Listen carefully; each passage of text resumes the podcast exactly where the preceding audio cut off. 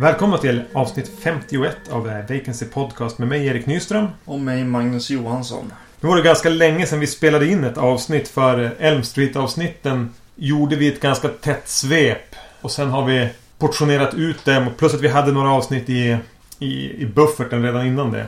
Mm. Så vi har eh, kanske lite ringrostiga den här gången. Eh, men eh, vi har fått ganska bra feedback på Elm Street avsnitten som vi gjorde med Emil från Titta de snackar. Det var kul att spela in dem. De blev väldigt långa. Mm. De tog säkert en, nästan en hel tid för dig att, att redigera ihop. Ja, absolut. Och då kan jag väl passa på att korrigera min felsägning också i det andra Elm Street avsnittet så säger jag i början att det är avsnitt 59. När det naturligtvis är avsnitt 49. Vi har inte fått några mail om det. Ja, just det. Men eh, under våran in inspelningsvakuum så har du hållit dig sysselsatt med att se filmen då. Ja, precis. Jag och min eh, fru fick eh, en idé att vi skulle se en film per dag i oktober. Mm. Eller åtminstone se, eh, vad blir det, 31 filmer i oktober. Och eh, Det var något speciellt. Det, det var inte bara... nej, vi skulle inte ha, inte ha sett dem här tidigare också. Precis. Eh, Så vad vi gjorde då var att vi eh, egentligen gick till våra eh, högar med inköpt film. Ja, i mitt fall väldigt mycket skämshögen av filmer som jag inte har sett men definitivt skulle ha sett. Eh, så jag använde det här tillfället för det och väl likadant eh, frugan egentligen. Men ja, nej men det har varit eh, jättekul och spännande. Och, Det var ganska kul att följa det här också på... Jag har följt det antingen på Instagram eller på Facebook. Har ni Mm. lagt upp vilken som har varit dagens film eller kvällens film. eh, Jag brukar håna er med att säga att jag ska säga till när, jag, när det kommer någon film som jag inte redan har sett. Just det. Eh, ja, absolut. Jo, det har ju varit lite pinsamt. Jag, jag själv har inte lagt upp så mycket bilder just på grund av det. Att det har varit väldigt eh, lite pinsamma eh, filmer där i högen. Eh, att jag inte har sett dem tidigare. Men det är skönt att ha sett dem och en del av dem tycker jag är väldigt bra om och eh, andra inte. Vilket har varit bottennappen i den här... Ja, bottennappen. Jag, kanske inte har tagit reda på det. Jag tycker inte att det har varit så himla illa kanske. Men det finns några som har varit så här. Och då vill jag bara flika in att, att han har... De har sett The Lovely Bones. Och han säger att ingenting har varit riktigt illa. Ja, ja. Eh, Jag förstår ingenting. Ja, några som var, var ganska ointressanta för mig i alla fall. Eh, den här eh, japanska gamla spökfilmen eh, som heter Ku- Kuroneko. Eller något sånt. Ja. Den var inte så himla kul. Den hade några bra scares. Framförallt något med en vatten, vattenpöl som jag gillade. Sen blev jag inte så himla imponerad av Naked Lunch heller. Nej men det är faktiskt inte jag heller. Eh, jag kan väl inte säga att jag tyckte illa om den men eh, det blev en sån här Cronenbergs tristess lite grann. Mm. Han kan få filmen att bli oerhört lång, långa. Ja. När de egentligen inte är det. Som Spider är väl det värsta exemplet. Mm. Och eh, eh, ja, eh, Woody Allens Vicky Cristina Barcelona såg vi också. Den eh, var inte så intressant, särskilt i första hälften innan hon eh, Penelope Cruz dök upp i alla fall och, och liva, livade till filmen lite grann. Det är väl en ganska medioker Woody Allen-film som jag minns det. Nu var det Ja. ett tag sedan jag såg den. Precis. Eh, lite gubbsjuk också. Ja, men ja, ja, men det kanske går med. Vad förväntar du dig? Precis. Och sen eh, det som var då höjdpunkter. Ja men, eh, ja nu kom ju den här skämshögen fram. Eh, Rocky Horror Picture Show var ju väldigt rolig Ja, den är, jag gillar och, och trevlig. Easy Rider. Ja, jag säger ingenting om att jag Eller inte har hur? sett den förrän nu. Nej, den var också bra. Danger Diabolique hade jag påbörjat vid något tillfälle. Eh, men var alldeles för trött för att se den då. Eh, den var ganska kul också. Mm. Sen gillade jag Fish Tank väldigt mycket. Mm. Eh, Vi försökte få in lite kvinnliga regissörer också, specifikt. Inte, inte så många blev det, men den, här, den här var ju toppen av, av de filmerna som vi såg. Ni såg någon Jane Campion-film också? Mm. Om, om... Just det, om hon författarinnan, eller poeten. En ängel i mitt rum? Nej. Vid min säng? En Nej. ängel runt hörnet. En ängel runt hörn.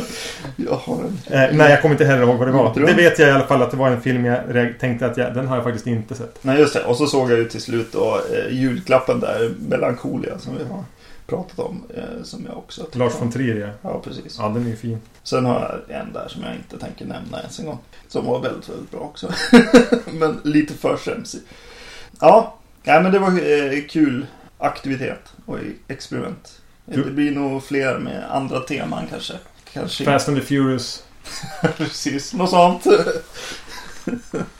Medan du suttit hemma och kollat på film så har jag gått en del på bio. Det är lite omvända roller. Det brukar vara tvärtom. Det brukar vara jag som sitter hemma och ser Naked Lunch och du som går och ser... Nu höll jag på att säga Fast and the Furious-skämtet igen. eh, nej, jag har inte sett så. Jag har lyckats gå och se de här eh, James Wan-filmerna. Conjuring, Insidious 2. Lite kul att han har uppe två filmer på bio samtidigt. Mm. Eh, och det är jättekul att kunna gå på bio och se de skräckfilmerna. Jag såg eh, Monica Z som jag inte kan säga utan att börja småskratta åt att det låter som att den har med World War Z att göra. Just det, Monica Zombie Eh, Slayer. och så ska vi väl gå och se... Nu avslöjar vi lite grann när vi spelar in det här men vi Mm. ska gå och se Gravity. Mm. Eh, kanske går fortfarande när av- avsnittet kommer ut. Mm. Jag kom in lite bio... Biosvungen. Just det. Ja, eh, James Wan-filmerna, vad tyckte du om dem då? Ja men visst, det, framförallt är det kul att se skräckfilm på bio. Ja. Sen är det väl hyggliga filmer. Mm. Men eh, ingenting som jag blir entusiastisk över direkt. Just det. Mm. Kanske att eh, jag gillade The Conjuring lite bättre faktiskt. Mm. Även om... Ja, jag gjorde nog det på ett sätt. Den hade en, en bättre scare. Eh, Insidious 2 blev lite för ambitiös. För min smak när det gäller skräckfilm på bio. Mm. Men det är inte därför vi är här den här gången egentligen. Nej, Det är det inte. Utan eh, vi ska titta på, eller vi har tittat på snutfilm. Ja, Som vi valt att kalla det. ja precis. Vi har tittat på eh, Badge 373. Eh, och den är från 1973. Mm. Och så har vi sett Q, eller Q the Winged Serpent. Från 1982. Det här är väl ett avsnitt som har, legat i våran ryggsäck. Som Mm. de säger på Titta de snackar hela tiden. Eh, I våran... Eh, vårat skafferi kan vi väl kalla det för. Ganska länge eh, kom vi på den här idén att vi skulle göra... Vi, vi ville... I, vi ville hitta på ett sätt att få se lite polisfilmer från New York. Mm. Och då kom vi på... Ja men Q är ju lite snyggt. Ja. Eh, och sen av någon anledning eh, Jag minns inte riktigt hur så snubblade jag över den här eh, Badge 373 eller 373. Mm. Tänkte ja men det verkar vara ungefär vad vi, vad vi skulle kunna tänka oss att se. Mm. Den eh, kommer vi även att börja med nu. Den, polisen eh, Eddie Ryan blir i inledningen suspenderad, avstängd för att han råkar kasta en, en man över, från ett tak. Ja. Eh, strax därefter så börjar han, han extra knäcka som bartender. av någon anledning. Eh, men hans eh, tidigare kollega hittas mördad i bagaget på en bil och han kan eh, inte låta bli att börja försöka ta reda på vad det här mordet eh, varför hans kollega blivit mördad. ja, precis. Och Så- söker hämnd. Söker det. Ja, utnyttjar kanske det faktum att han inte är polis längre. Den är regisserad av Howard W. Koch. Eller Koch. Nej, det kanske man inte säger. Helt okänd eh, regissör för mig. Ja, eh, precis. Jag skrev inte ens upp. Nej, jag, jag, jag, jag snabbt tittade igenom och såg att han hade gjort en del TV på 60-talet. Mm. Han hade gjort en Frankenstein-film från 1958 med Boris Karloff Mm. som Viktor Frankenstein. Inte som monstret utan som, som doktorn. Som en, ja, inte, den hette Frankenstein 1970. Ja, som någon slags framtids... Mm. Futuristisk. kanske. Eh, Robert Duvall spelar Eddie Ryan. Mm. Huvudrollen. Och jag tänkte, jag tänkte försöka börja med en fråga till dig här. Är det här en, ser du det här som en, som en syskonfilm till French Connection? Ja, precis. Ja, men det känner man ju av lite grann. Ja. Eh, absolut. Eh, Den, den är väldigt... Alltså den känns inspirerad av det. Och nu kommer den här lilla eh, fun fact. Den är inspirerad tydligen av polisen Eddie Egan. Som eh, Gene Hackmans karaktär i French Connection är inspirerad av. mhm. Och han är ju även med och spelar... Han är med i French Connection, den riktiga Eddie Egan. Och han är även med här och spelar polis. Hans polischef, eller Lieutenant Scanlan. Just. Ja. Och, eh, men den, den luktar ju väldigt mycket French Connection på ett sätt. Framförallt gör den väl kanske det under andra halvan. Ja, precis. Absolut, i slut mot slutet. Springer i någon trapp där, bland annat. Som man blir väl, känner igen sig i. En annan film som jag börjar, jag börjar eh, direkt när, den, när filmen börjar så börjar den på en nattklubb. Eh, som är alldeles röd och det är massa musik och folk dansar och, och dricker och sånt. Eh, så, jag, så min premiss innan filmen började var att ja men det här är vad Michael Mann var inspirerad av när han gjorde Miami Vice eh, filmatiseringen. Ja. Ja, Hur länge höll den tesen? nej, det, det, den höll inte så länge.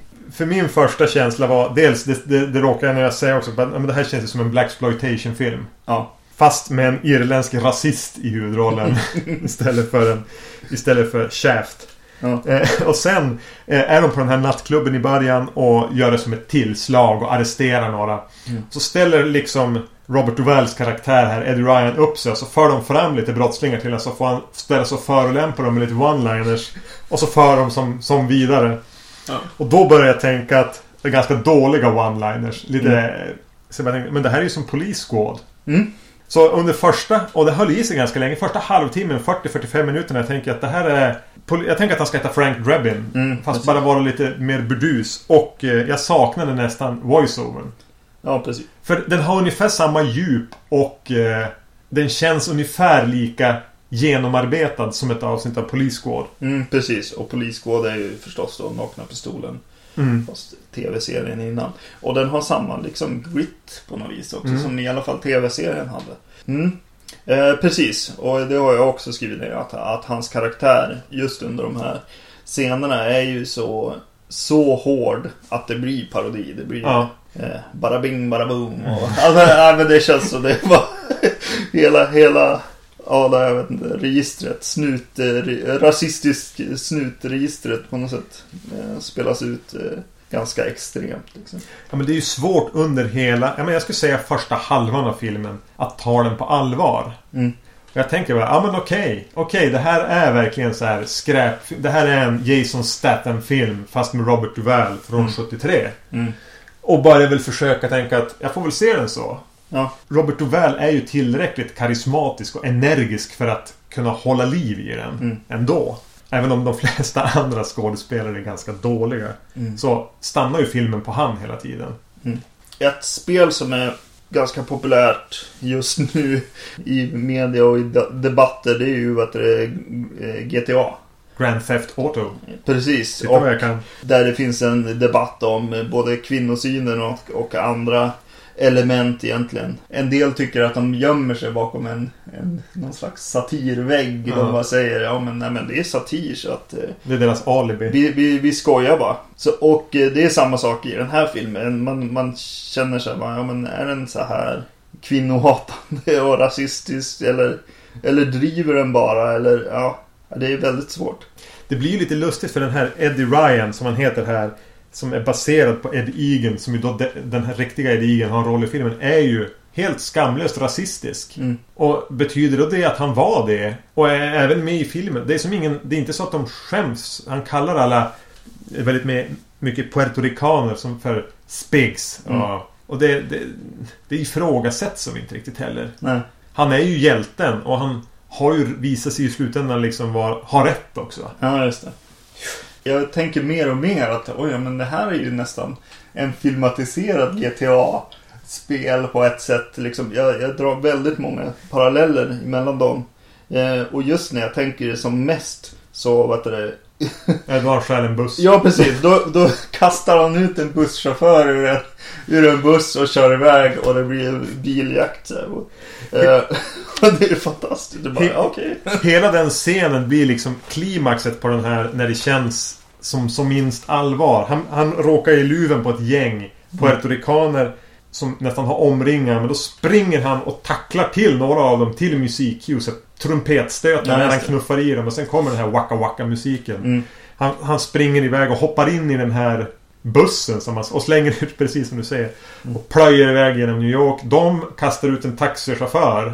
Mm. ur sin bil och jagar efter. Och så blir det en, en så här, helt vansinnig biljakt eller Mm. bussjakt. Ja, precis. Och just den här eh, att göra saker till musiken eller ha, sätta in lite musikcues och sånt brukar kallas för Mickey Mousing. Mm. Och, och, jag, och i den här filmen så nämner de det uttrycket fast i, i polisarbete. Och, och i det fallet så vet jag inte överhuvudtaget vad det betyder ens en gång. Mickey Mousing. Ja, Nej. nej. Säkert något rasistiskt. Men det var lite kul att det återkom i, i musiken också. Jag vet inte. Ja. Det var ju ärligt talat lite svårt att, att hänga med. Mm. Överhuvudtaget. Alltså han... Från början jagar han ju som ledtrådar till nästa jakten efter den, den som mördade hans, hans kollega eller före detta kollega. Mm. Jag insåg ganska snabbt att jag inte la ihop pusselbitarna jag, om jag inte lyssnade eller om de presenterade lite slarvigt. Men det, jag gjorde kanske inte så mycket. Att man inte förstod att han helt plötsligt visste att vapenhandel var inblandat. Mm. Ja, precis. Ja, han tog And guns are involved. Jaså du? Jaha. Ja. ja. Och sen, ja, jag vet inte, jag går ännu djupare in i filmen. Men det finns ett, ett parti när de sen, han och en tjej som han har blivit tillsammans med eh, när han var bartender.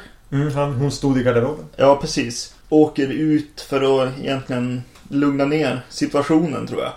Eh, Och åker ut i skogen, in till någon stuga. Mm. Och jag tänkte direkt så här, ja okej, nu kör han till sista eldstriden. På något sätt. Du hade förväntat dig någon så här Ja. shootout in. I, I skogen vid den där stugan och det. Eh, Men, eh, men det känns som att det partiet som de kommer till där. När hon, hon är en person som inte har känt han riktigt som snuten som är under, under hot, ständigt hot och så vidare. Det känns som att där när de är i skogen där så är det partiet där de skulle vilja säga någonting. Men jag, jag får inte riktigt grepp om vad det är. Är det någonting om att få gamla hundar och sitta eller något om polislivet? Något om hämnd kanske? Ja, Eller säger, bara kärlek? Det som händer där ute är väl egentligen att han plockar på sig lite vapen och övar på att skjuta med vänster hand. Ja, faktiskt. Men det är ju deras... eh, Det, det känns som Jo, det partiet där De är- ska ju antingen bonda ordentligt där, Ja. deras relation ska fördjupas. Eller så, ja, för den tar som paus där. För fram till det har det varit den här Ja. Police Squad utan, utan skämten-filmen. Som kulminerar i den här jakten. Det är Mm. efter det han... eh, Den här bussjakten. Det är efter det han tar beslut. De åker ut i stugan. Men det händer ju verkligen ingenting där. Ja, precis. Det kanske har någonting med att vara man att göra. Att man ska låta sin flickvän ro. Och, Ja. och, och, och säga åt dem Shut up and row. Ja, precis. Nej, jag, har, jag kan inte relatera till det. till Nej. det som händer där. Det är som att en paus, alltså det är så, alltså interlude. Ja, Och för det är ju någonstans där även filmen slutar vara den här Police Squad som jag ändå hade bara, okej det här är bara dum underhållning, mm, hjärndött. För sen blir den på allvar. Mm. Försöker den bli lite mer på allvar.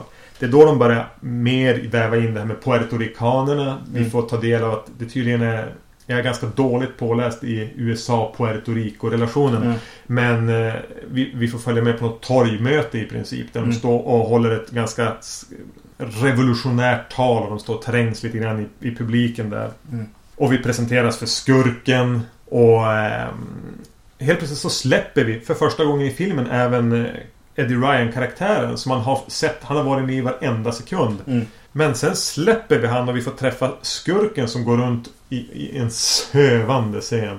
Och pratar med, med en av sina underhuggare. Mm. Och, och liksom fördjupar sina motiv. Mm. Och det är lite att då ska man helt plötsligt börja ta det här på allvar. Ja, Det, är lite, det kommer lite sent. ja, precis. Och lite också så här, ja men han hade ju- han var ju något på spåren. Alltså, och då blir den här, ja men satirgrejen kanske inte, den håller ju inte då. Den Nej. spricker ju också. Men, eh, nej, så det är ju verkligen en överkokt snutfilm på något sätt. ja, den, den är lite väl eh, hårdkokt, i alla fall för min smak. Mm. Eh, jag hade gillat den bättre om den hade... För vissa scener också blir väldigt... Alltså de tar dem lite för långt. De Mm. får pågår bara lite för länge. Eh, istället för att bara, ja men där klipper vi. Eh, så om den hade tajtats till och skippat försöka bli allvarlig med att ta in det här puertoricanska och fördjupa sig i det. Mm. Och bara köra på, på Robert Duval som en elak, arg polis. Mm. eh, Så det blir det här lättviktiga. Men nu är det som att den försöker bli lite för tungviktig. Och då, och, då blir ju som du säger satiren. blir bara att den känns rasistisk och Mm. kvinnofientlig. Ja, precis. Nej, det är, ing, det är ingen French connection det här. Nej.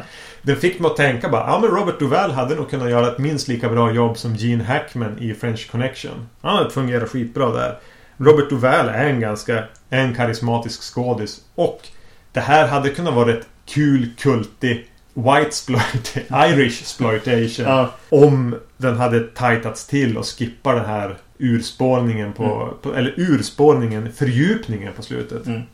Men nu blir väl eh, Badge 373, 373 inte så jättemycket att minnas. Nej. Nej, den är väl obskur. Av en anledning obskur. Ja. Ja. Ja. Men ska vi gå vidare till Q? Jag tänkte att vi skulle bryta, sticka emellan med någonting nu. Ja, just det. Det är eh, ett mail vi har fått. Mm. Från eh, en lyssnare som heter Jimmy Björktorp. Som skriver ungefär så här. Det är ett ganska långt mail så jag kommer att korta ner det lite grann. Tjenare, jag har börjat lyssna på er podcast ganska nyligen. Eh, Jag lyssnar flitigt på i stort sett alla filmpodcasts som finns. Och har även en egen podcast som ligger på is för tillfället men som dyker upp snart igen. Mitt huvudsakliga fokus ligger dock framförallt på filmbloggande genom bloggen acceptfear.wordpress.com Kan repetera det. Eh, acceptfear.wordpress.com Accept fear som ett ord. Där han bloggar om, om film. Han har bland annat ett Halloween-arkiv. Eh, med Halloween-tema återkommande varje år. 2010, 2011, 2012 och i år. Mm. Han eh, uppskattar, eh, tycker det är trevligt med Elm Street eh, temat vi har kört. Eller Mm. Elm, Elm Street-serien. Han uppskattar även vår fredag den 13 special. Det var kanske fram, och säger att det var framförallt det som gjorde att han hittade till oss. Och han fortsätter. Nu har jag lyssnat dels på den, några avsnitt ytterligare och, er Ty West genomgång. En regissör som jag uppskattar mycket. Jättekul med en podcast som snackar om mindre självklara och allmänpopulär guldkorn. Och även magplask. För det är sånt jag hellre vill höra än en massa bioaktuell film. Ja, han har även en fråga angående eh, Ty West specialen. Där han säger att han uppfattar att vi inte tycker att han är 100% kompetent. Och vi, vi inte riktigt vill ge han, kröna honom som skräckfilmsgenrens nya stora hopp. Och ger oss då frågan. Vem skulle ni vilja ge den titeln istället? Ja. ja, precis. Ja, det är en svår fråga. Han säger även, Ja. säg bara inte James Wan. För trots hans popularitet så har han ju om något större problem vad gäller avslutningen på sina filmer. Nu har jag varit och sett massa James Wan-filmer på bio. Jag, jag kommer inte att säga han ändå. Så, då får du steppa upp här och svara på den frågan. Ja, precis. Helst skulle man ju ha nya, nya hopp, kände jag. Men det känns som att man stannade där någonstans med, när, när det var några som kröntes som, vad heter det? Uh, Splatpack du tänker på? Ja, precis. Och vad heter det? Jag har faktiskt inte nog med koll på, på riktigt nya och, Nej, inte och jag. folk som är med i de här ABC och Horror och vad de heter. Ni måste ju komma ihåg att vi trots allt är ganska gamla. Ja, precis. Vi har ju Eh, slutat ta till oss nya saker. Precis, så de senaste eh, som jag verkligen har tagit till mig av är ju Alexander Aja då. Ja. Eh, som en favorit och eh, Neil Marshall. Ja, Aja har ju gjort den, eh, ja, High Tension är väl det stora mästerverket i hans eh, fall, tycker jag. Och Neil Marshall har gjort de här The Descent och Dog Soldiers och så vidare. Han är ju skön för att han stannade kvar Han stannade kvar i England. i England. Och Alexander Aja eh, åkte ju till USA och gjorde mycket eh, remakes eh, med varierande resultat. Kan man väl säga. Mm, minst sagt. Neil Marshall stannar kvar och gör lite vad han vill. Eh, även om det, om det är lite svårt. Eh, Just nu tycker jag mest verkar få göra... eh, ge- Han regisserar Game of Thrones. Ja, Och precis. Och någon annan, annan tv-serie. ja, någon, eh, någon sån här, eh, vad heter det, piratserie håller han på att göra. Eh, utveckla. Får se hur det blir med det. Hade han gjort en remake eller någon del i någon Hollywood-produktion skulle jag ju verkligen vilja se honom göra en Alien-film. Ja, det känns... Men det, det känns lite väl självklart kanske. Han har redan, redan gjort det kanske. Med, med Descent. eh, På ett sätt. Han kämpar väl på och vill få göra den här eh, The Last Voyage of the Demeter. Som Mm. skulle handla om färden. Som, alltså, båten Dracula tar från Rumänien till, till England. Och det är ju en jättehäftig film i det. Ja. Men jag vet inte om man inte lyckas hitta finansiärerna till den. Och det är ju precis hans grej också. En liten... Eh, Isolerad plats. Iso, isolerad plats. Ett fåtal människor. eh, och ett hot liksom. Men eh, du då Erik? Har du några? Eller håller du bara... Jag tänkte att jag skulle pressa dig på, på den här punkten så länge att vi blev tvungna att gå vidare. Eh, jag har nästan börjat ge upp lite grann på Alexander Aja. ja. I och med att han har gjort så många filmer som har varit sådär nu. Han gjorde Mm. High Tension som, som jag tycker fortfarande tycker är riktigt bra. Eh, The Hills Have Eyes var väl okej. Mm. Men Mirrors var ju mer rolig Mm. än, än riktigt bra. Ju, den, ju mer jag tänker på den desto sämre blir den. Så han är väl mer eller mindre tappat hoppet om. Mm. Medan en sån som... Ja men Neil Marshall känns fortfarande spännande. Eh, Centurion som väl var det senaste han gjorde i filmväg. Eh, Mm. Tyckte jag fortfarande var en rätt schysst actionfilm. Mm. Nu är väl han kanske inte speciellt dedikerad mot skräck. Så ja, om, om Neil Marshall vänder sig till skräckgenren igen så är det definitivt han som är det stora hoppet. Vad Mm. hette de som gjorde Vittra? Just det. jag minns inte. Nej. Svenskar. I, ja, amerikanerna, jag menar, har jag inte fastnat för något namn än. Vi såg ju Mm. nyligen en film med Brandon Cronenberg. Mm. Inte ö, jätteimponerade. Nej. Eli Roth har jag aldrig riktigt varit speciellt förtjust i. Nej. Så jag, jag får nog hålla med om, om Neil Marshall där. Även om, det börjar känna, om vi börjar kännas lite gaggiga som fortfarande tjatar om han som det nya stora hoppet. Precis. Det gamla nya hoppet. Mm. Jimmy eh, skriver även och frågar oss om vi känner till Ty Wests kommande film The Sacrament. Som det tydligen ska vara ganska mycket hemlighetsmakeri kring. Hade du visst... Nej. Jag hade ingen aning om att den ens var på gång. Nej. Jag vet däremot att de gör en... Eh, vad hette den vi såg? VHS VHS. 2. Ja, fy. Jag vet inte ens om det... Den är ute sedan länge tror jag. Men ja. ja. Vi ska nog undvika att prata för mycket om nya filmer för vi, nytt för vi skämmer bara ut oss. Det finns andra podcasts som är bättre på det. ja. Absolut. Vi kanske ska gå vidare Ja. och prata om en, en film från 1982 istället. Yes. Q. Q. Q heter den. uh, Q the Winged Serpent eh, heter den i vissa fall. Och eh, är gjord av eh, Larry Cohen. Skriven, regisserad och producerad. Just det. Och han har ju gjort eh, mycket film. och han är väl framförallt en manusförfattare. Eh, han har gjort God Told Me To, The Stuff, It's Alive-serien. Mm. Jag såg att han hade gjort A Return to Salem's Lot. Eller regisserat den. Han har och- skrivit en del också. Typ Phone Booth med Mm. Colin Farrell som kom jättedålig som jag minns den. Mm. Som nu höll jag på att säga som kom här om året. Mm. Men det var väl åtminstone tio år sedan den var ny. Precis. Eh, mm, eh, började i Blaxploitation-genren. Mm. Mm. En skräcködla terroriserar New York. Och eh, två poliser utreder de här mystiska eh, kropparna utan huvud och försvunna människor och rapporter om en jättefågel som har synts eh, över skyskrapornas topp.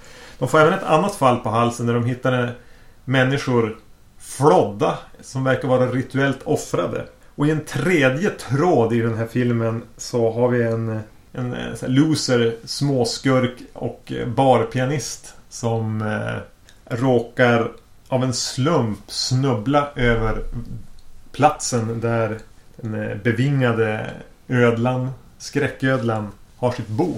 Mm. Något han kommer, kommer att utnyttja på olika sätt. Precis. Ganska ambitiös film det här ändå. Ja. Eh, Rent eh, story och trådmässigt. Mm. Just att, alltså.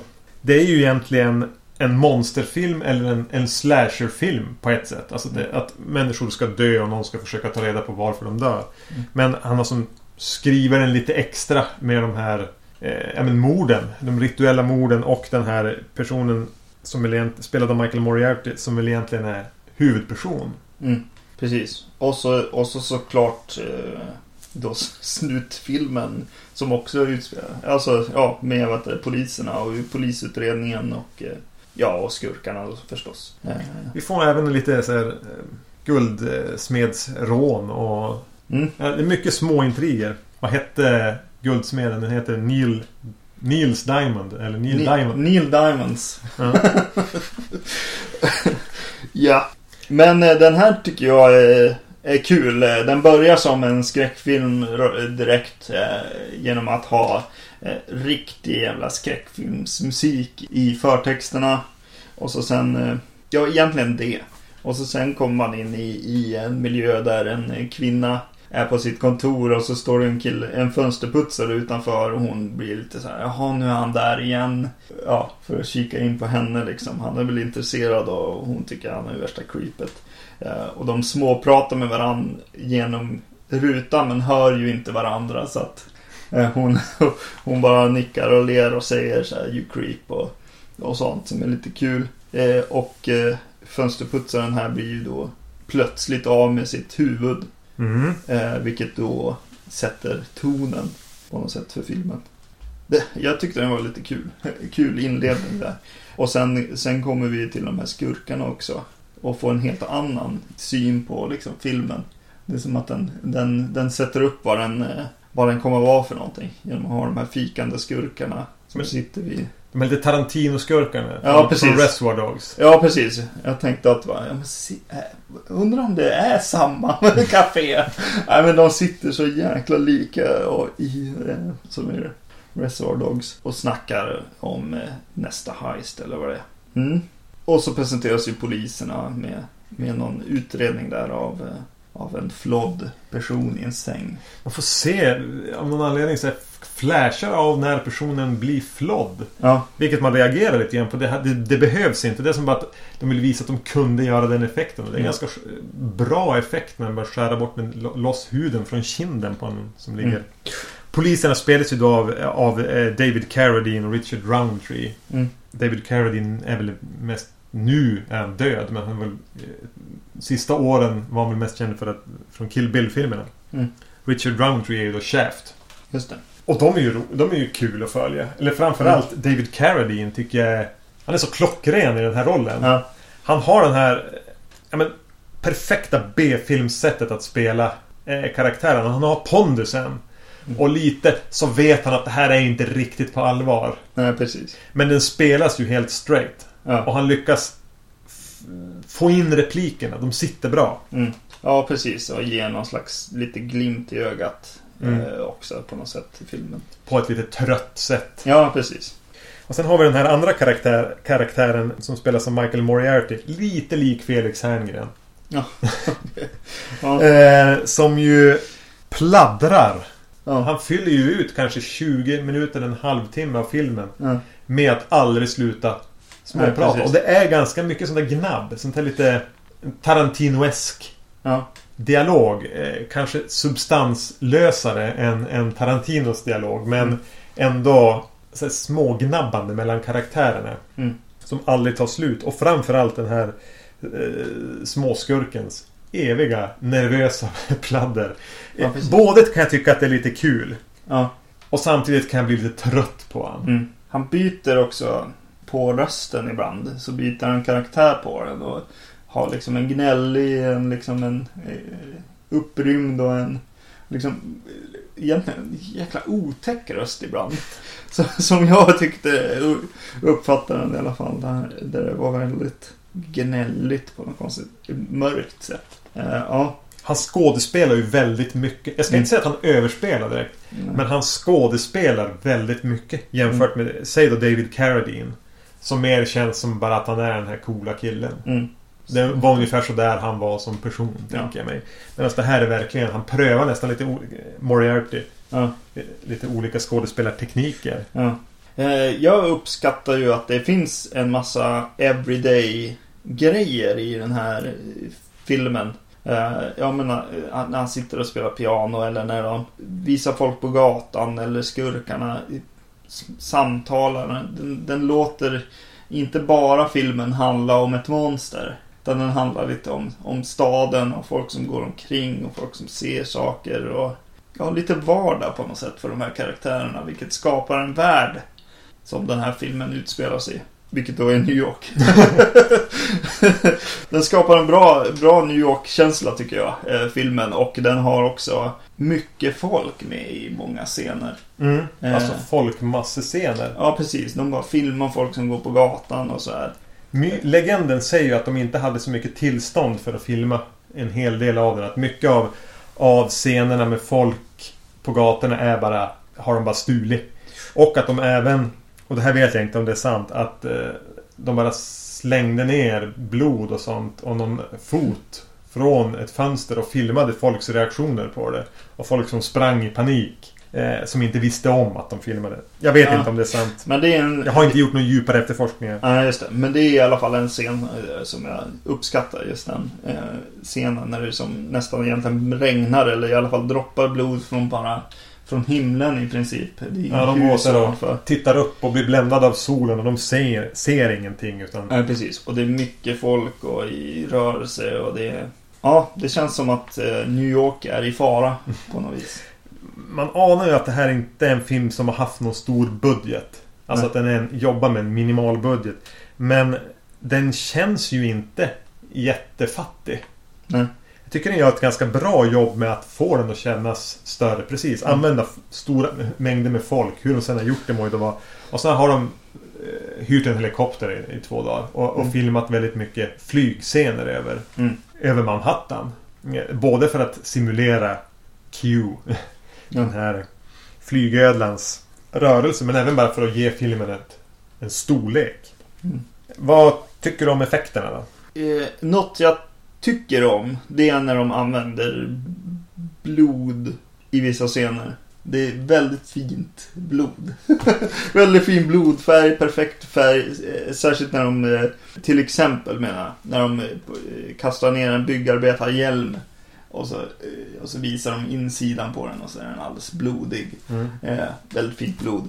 Men eh, det är egentligen inte det du frågar utan, utan du frågar ju om själva monstret. Ja. Och det är väl inget vidare. De har använt för mycket bl- blue screen, alltså de försöker klippa in den i riktig, riktiga miljöer. En Eh, slags jag tycker att så här stop stop motion grejerna är lite charmiga sådär men eh, men just när den också ska in i miljön på något vis. eh, Den kommer in genom något fönster med sin Mm. näbb eller sin... Och, och det, det, det fungerar. Men jag, jag håller med om att just stop motion när den flyger runt så har den i alla fall en fysik. Mm. Den finns ju där. Jämfört med om man vissa mer datoranimerade tyngda filmer.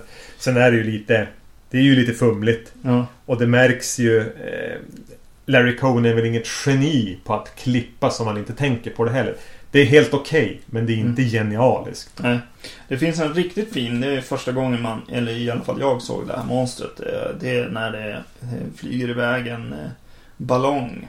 Och så just i slutet innan de klipper därifrån så flyger det förbi någonting jättefort. Mm. Och man bara, Va, vad var det där? Det var en bra grej. Och så sen, sen klipps det till vad det där var. I, I scenen efter det. Och, och, och ja, då, då bryts det ju lite grann. Så det, ja. Det är nog bra att den, att den fokuserar mycket på människorna eh, också i den här filmen. Ja, det är ganska lite monster. Mm. Och i ett par av scenerna så tar den ju upp dem med sina klor. Och slänger iväg dem från Mm. skyskrapstoppar. Och då är det ju eh, lergubbar eller någonting. med väldigt långa ben. Mm. Ja, de, Det, det ser inte större alls bra ut. taken Mm. ibland och sådär. Mm. Men det jag tycker de även de gör eh, bra, eller en grej som jag tyckte fungerade.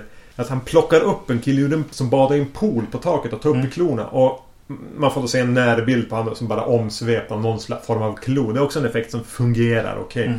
Men de har lagt på ett väldigt obehagligt ljud hur hans ben knäcks. Och det är inte bara ett ben som Mm. knäcks. Ett så här som att man näve spaghetti.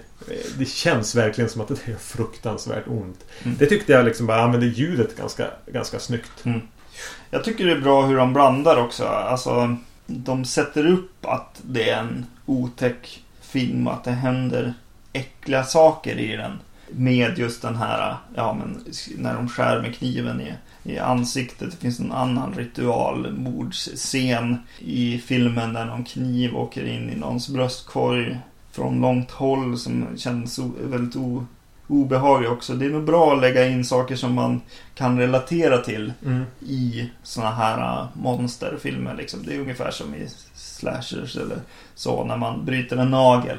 eller en nagel eh, faller loss, bryts loss och då kan folk plötsligt relatera. Och jag, jag tycker att de, de scenerna och även eh, det finns en, en scare som jag tycker funkar som är en riktig sån här Hej, katten hoppar ut ur skåpet Grej med- med en, eh, nej med en eh, duva. När han är och smyger runt i det här vad som Ja. verkar vara boet. Och då kommer en duva och just efter duvan så kommer en, en, ett skelett infallande Mm. Eh, i bild. Eh, det är nog första sån här skelett-scaren som jag har varit riktigt, som jag har faktiskt har reagerat på överhuvudtaget. Jag tycker inte att så här, woo, ett skelett.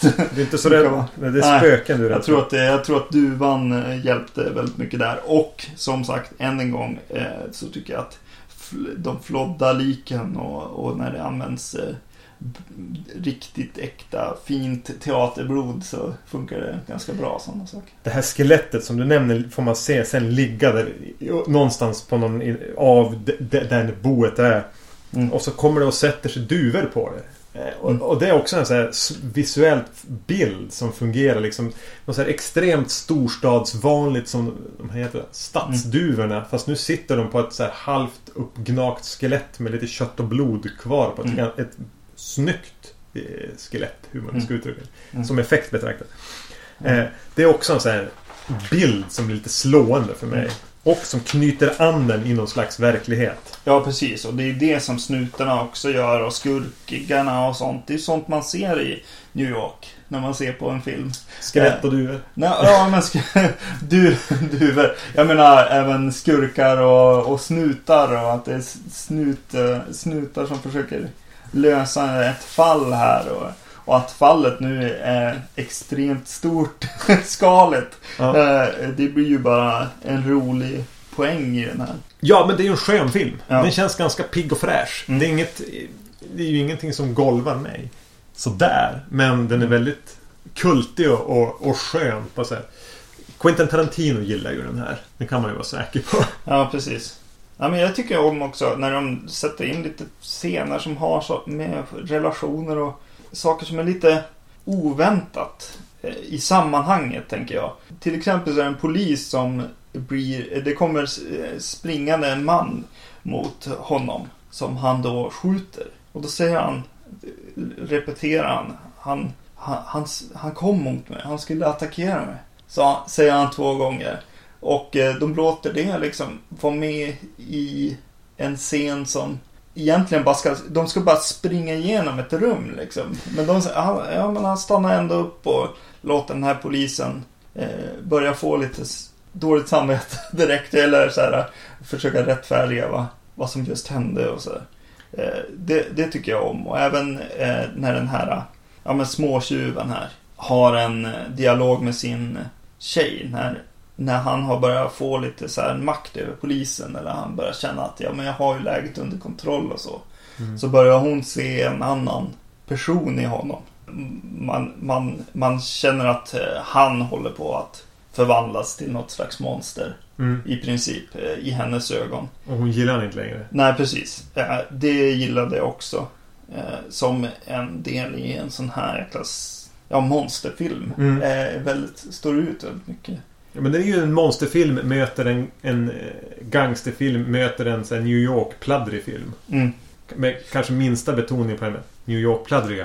Mm. Men den eh, märks ju att Larry Cohen är en manusförfattare i första hand. Han Mm. vet hur man skriver en film och kanske får liv, ge lite extra liv i en idé som är ganska banal. Idén sa han ju att han fick från när han hade tittat upp på Chrysler Building Mm. och tänkt Ja, det där skulle vara ett coolt ställe för ett bo. Ja, ja. slag. Det var hans grundpremiss. Ja.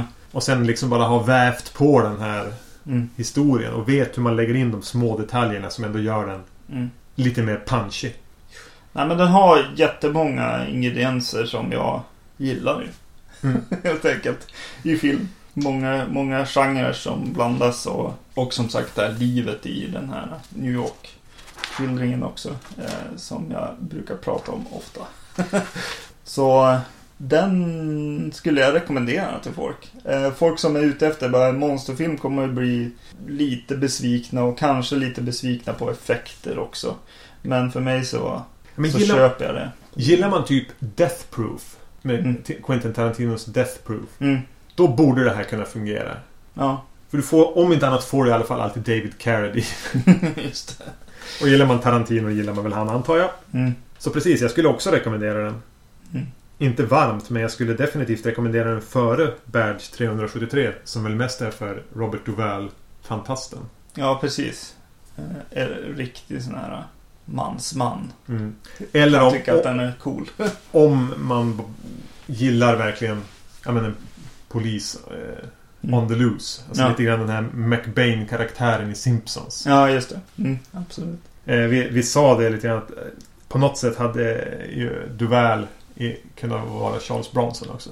Den hade inte gjort bort sig med Charles Bronson i huvudrollen som en del i vårt Charles Bronson Mm. special som vi nu har kört under året och Mm. inte riktigt är klara med.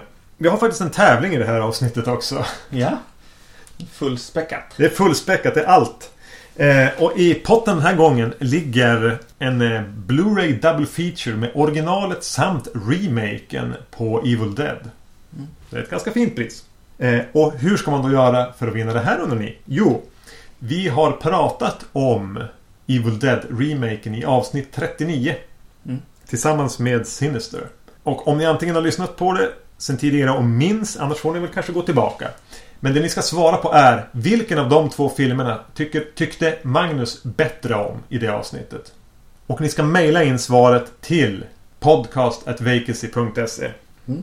Så eh, drar vi en vinnare och får, då får ni ändå den här ganska fina Blu-ray-utgåvan av en skräckfilmsklassiker och en riktig jävla skitfilm.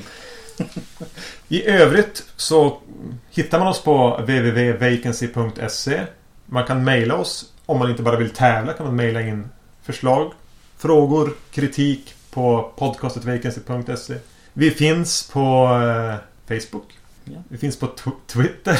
Just det. Jag kämpar på där, förstår ingenting av Twitter. Ni får gärna även mejla till podcastetvacancy.se och förklara Twitter för mig. Eh, vad är det vi heter där? Vacancy, Vacancy underscore SE. Jag lyckas aldrig lära mig det där underscore. Mm. Eh, och vi finns även på filmfenix.se.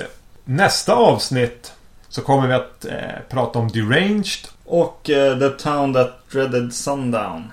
Så det blir väl kul. Mm. Mm. Så tills dess, ha det bra! Ha det bra, hej!